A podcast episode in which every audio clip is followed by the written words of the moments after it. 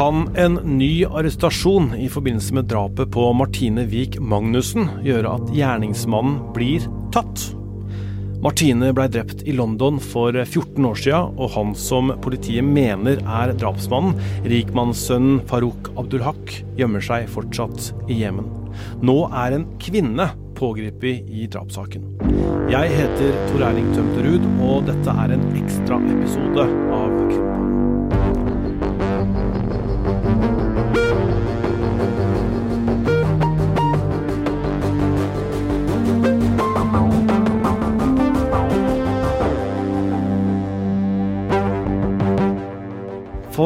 plutselig i dag så ramla det en pressemelding ned i innboksen vår, Øystein. Det var fra politiet i London, hvor de informerte om at de hadde arrestert en person i forbindelse med drapet på 23 år gamle Martine Wiik Magnussen, som da ble drept i 2008.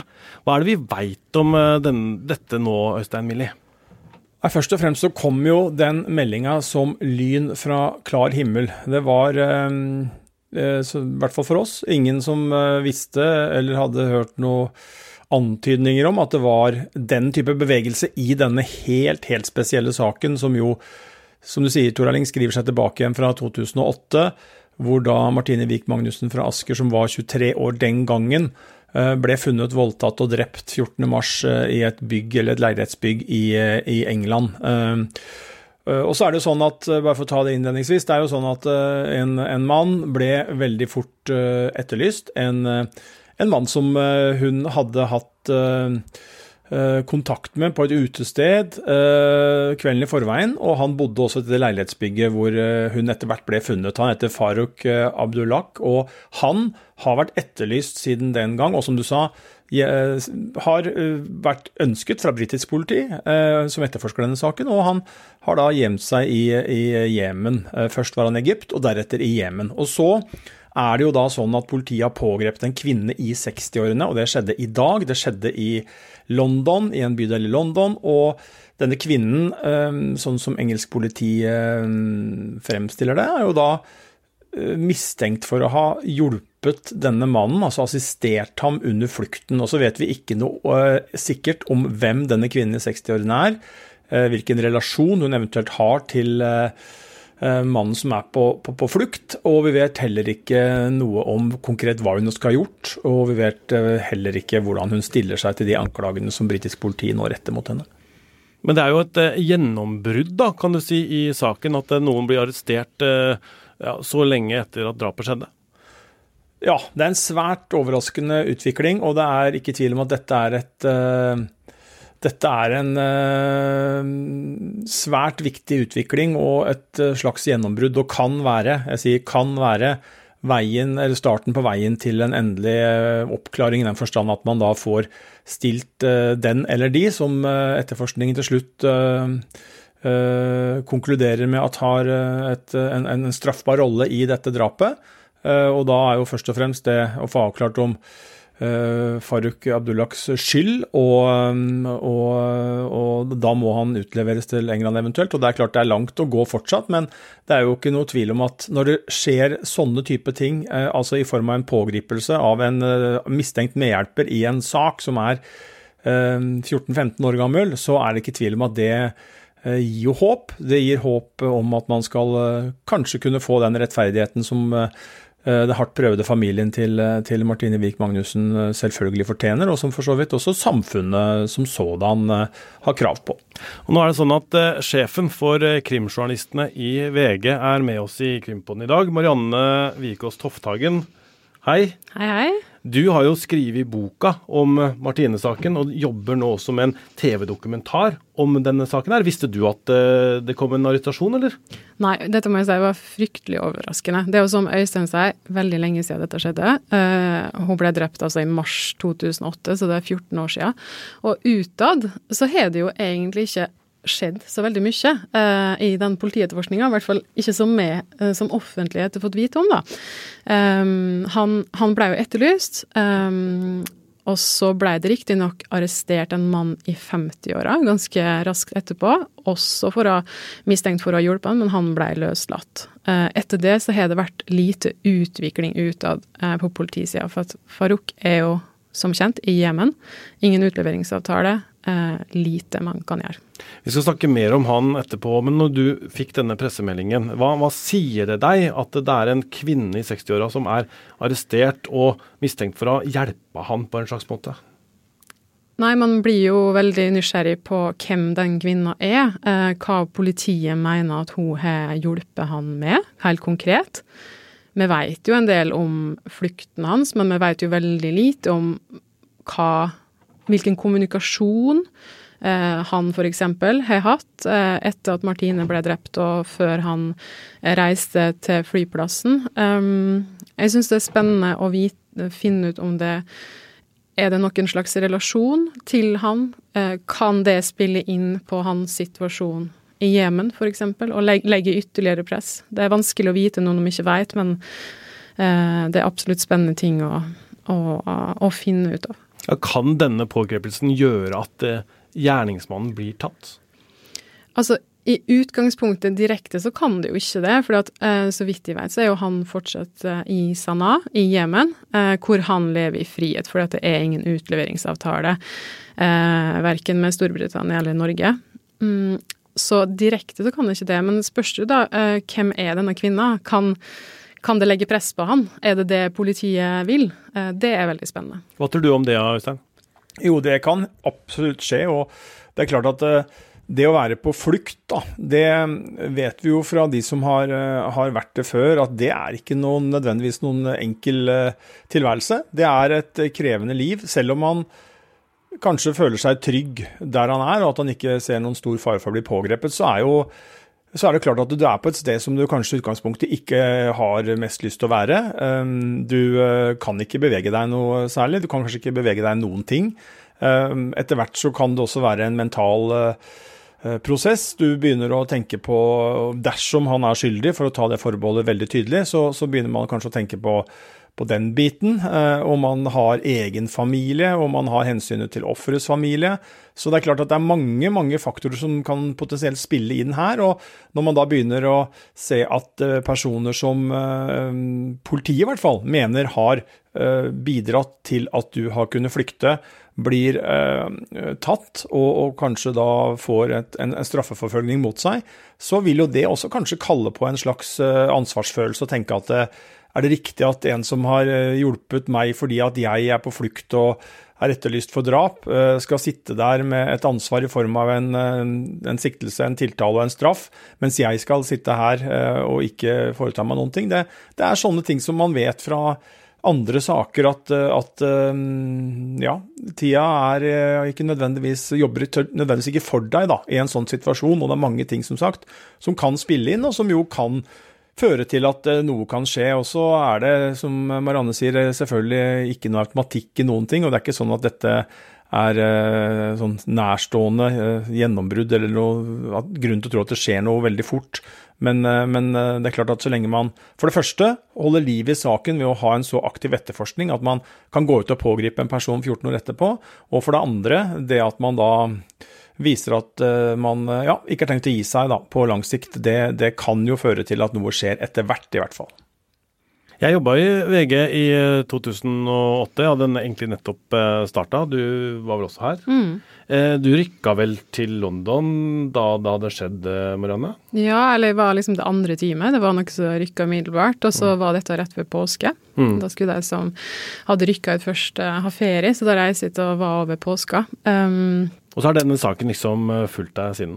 Ja, det har den. Virkelig. Jeg skrev jo bok om det, og uh, ja, nå skjer jo det her og Men ta oss tilbake. Fortell hva var det som skjedde med Martine Wiik Magnussen i mars 2008?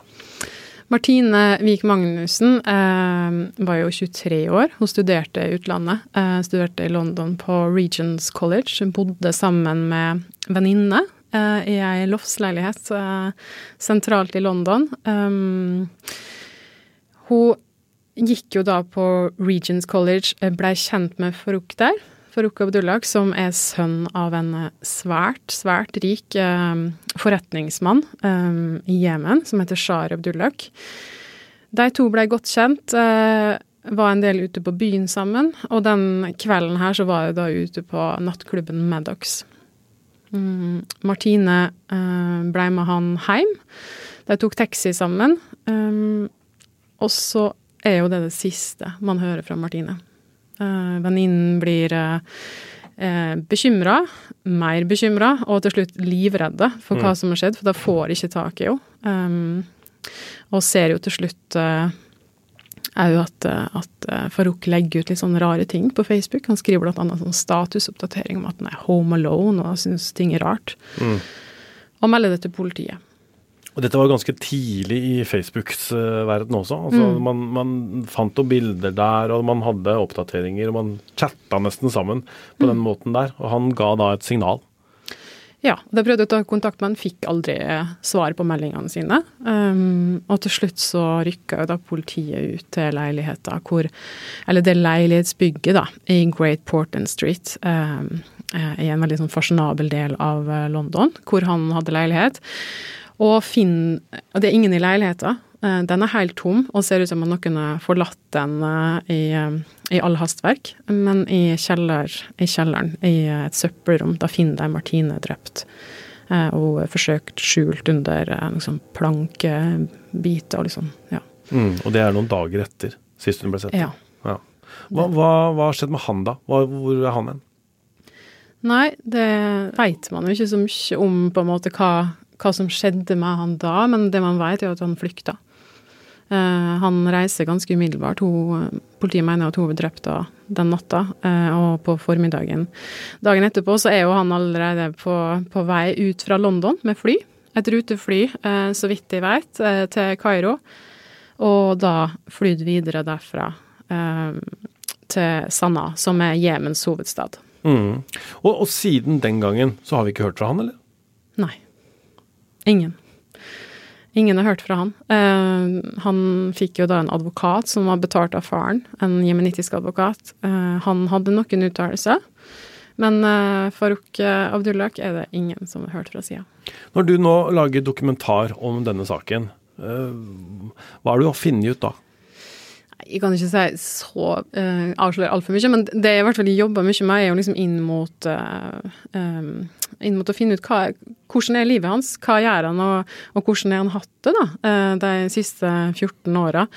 Og um, inn mot familien, finne ut hva som, hva som, skjer der. Ja, Hva er det som skjer da? Hvor, hvor har du leita hen? Nei, altså Da er det jo både i Altså, Farouk eh, har jo egentlig veldig lite med Jemen å gjøre. Det er jo det som er litt interessant i det. For at eh, Shaher Amdullah, da, han hadde jo to koner. Faren hans, ja. Faren. Mm. Eh, ei som eh, bodde i Jemen, og ei som bodde i Kairo. Så er forrukta sønnen av hun som bodde i Kairo. Um, så Farouk har på en måte levd uh, og vokst opp i Kairo uh, og i USA, som uh, mora hans er fra, um, og flytta da til London. Så han han har i all hovedsak på en måte hatt en veldig vestlig oppvekst. Eh, selv om han eh, bodde i Kairo, så var han en del av eliten der. Gikk på et, eh, et, en skole som heter Cairo American College, som var eh, en ekstremt dyr privatskole, eh, amerikansk. Eh, der de, de, de, som, de, barna som gikk der, var enten barn av det aller rikeste i Egypt, eller eh, diplom, barn av diplomater og sånne ting. Eh, så det at han da flykta til Jemen, eh, et ganske ukjent land for han, et land som er i borgerkrig, det er jo et av verdens verste land å være i for tida. Mm. Så, så, det er klart at det er interessant hvordan han har det der nå. Han var jo bare 21 år da Martine ble drept, og 14 år er gått. Og på mange måter kanskje levd i et slags fengsel, da. Uh, uten at han en måte vært bak murene, men at uh, han har ikke kunnet, i hvert fall ikke på lovlig vis, da, uh, beveget seg ut av Jemen. Han er jo under en sånn red notice, da, som det heter, Interpol.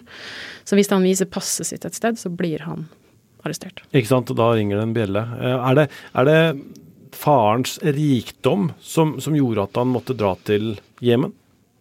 Ja, det er jo det veit ikke så veldig mye om hva som på en måte, hva var vurderingene eh, ved at han dro dit. Um, men eh, jeg vil jo tro at eh, det med utleveringsavtale har noe å si her, fordi at um, eh, det er jo et land Det er vanskelig å og på en måte forhandle med, fordi at fordi at det ikke finnes noen slags eh, utleveringsavtale. Eh, og det er jo liksom et av verdens fattigste land i tillegg.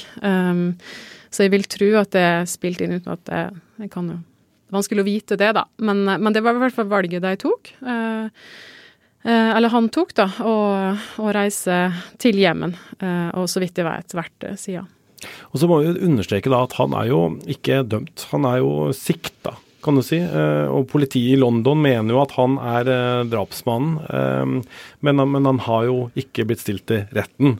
Nettopp fordi man ikke kan hente ham ut fra, fra Jemen, og man har ikke kunnet kontakte ham heller. Hva tror du denne arrestasjonen kan føre til? Vanskelig å si. Det er liksom vi snakka om innledningsvis. Det spørs veldig hvem det er som er arrestert nå. Det kjenner jeg at eh, det, det, det blir spennende å, å, høre hvem det er, eh, og om måte, det kan ha noe eh, liksom, mental innvirkning da, på, måte, på hans situasjon. Om han da eh, vil føle, føle, et sterkere press for å la seg utlevere. For det er jo egentlig det som må skje. Når du ikke har en utleveringsavtale, så må du ha en frivillig utlevering. Her hjemme så har jo faren til eh, Martine eh, også snakka med oss i VG i dag, Odd Petter Magnussen. Øystein, eh, hva er det faren uttrykker når han får vite at en person er arrestert i drapssaken til dattera? Nei, De er jo selvfølgelig glad for at det er en utvikling, og glad for at eh, engelsk politi helt tydelig prioriterer denne saken fortsatt eh, etter så mange år. Det kan man jo si bør være en selvfølge, men det kan man på den annen side ikke ta for gitt. Men, men det er jo et helt klart og tydelig bevis på det. Eh, og så er han jo selvfølgelig, han og familien eh, eh, det store målet er jo at hovedmannen, som politiet antar er Farouk, blir stilt for retten, og, og eventuelt også da selvfølgelig medhjelpere. og i et sånt perspektiv så er det jo for så vidt langt igjen til, til noe som kan kalles en full oppklaring eller et hovedmål. Men som vi har vært inne på, så er det ganske Jeg skal ikke si mange, for det er jo ikke så mange som, som gjør det, men, men det, er, er, det, er, en del historier om folk som syns det blir belastende å sitte i skjul i utlandet med alt, alt det som er rundt deg sjøl, men også når du begynner å uh, pirke borti folk som uh, har muligens da, hatt en rolle knytta til, til, at du har begått en kriminell handling. og Det kan jo være bare at du er noen du kjenner, det kan være noen i en nær relasjon, det kan være eh, familiemedlemmer, det kan være eh, kjærester osv. Og, og, og det er eh, belastende, og det er eh, det er som sagt en del eh, eksempler på da, at det fører til bevegelse. Og så det er liksom flere ting som kan som kan, eh, som kan, dra denne saken videre nå. Det, det er jo også interessant, uh, Tor Erling og Mariann, å merke seg at Og det er jo selvfølgelig tilfeldig, men jeg må jo si at det er jo fascinerende å følge med på krimfeltet nå og se at det er jo eh, flere saker hvor det er utvikling nå, de siste par årene, som det har vært stillstand i i veldig, veldig mange år. Og det tyder jo på at, og viser jo at politiet, de store sakene, de de blir ikke lagt bort. De eh, kan bli lagt bort, men de blir tatt frem igjen. Og man klarer da eh, å komme Så skal vi ta forbehold i denne saken, men i en del saker så ser det ut som man kommer i mål da med, med løsninger og konklusjoner som man ikke har klart tidligere. Akkurat når du sier det der, Øystein, så får meg det til å tenke på Jeg var på en reportasjereise i London eh, og møtte den daværende etterforskningslederen eh, Jessica Wadsworth. Hun tok oss med inn på, på, det rommet hvor de liksom hadde dokumentene i det som eh, Saken heter jo liksom Operation The Bruce. De har egne navn på på alle drapsetterforskning i England og viste oss liksom det rommet. Og da husker jeg også at vi, vi kommer aldri til å gi oss. Uh, den saken her blir, all, blir ikke forelda, eh, og vi kommer, fortsatt, vi, kommer, til å fortsette å prøve til ja, det siste. Så ja, jeg syns det er imponerende at, uh, at britisk politi har holdt såpass mye trøkk oppå her, sjøl om det på en måte utad ikke har har vært så mye som har skjedd, da.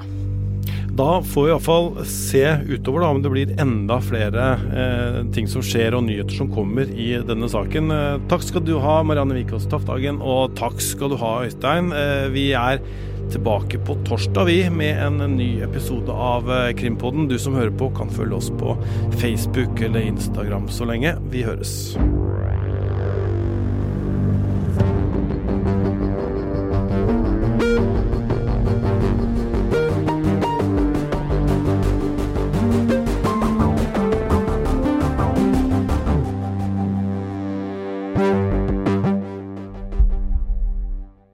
Du har hørt en podkast fra VG.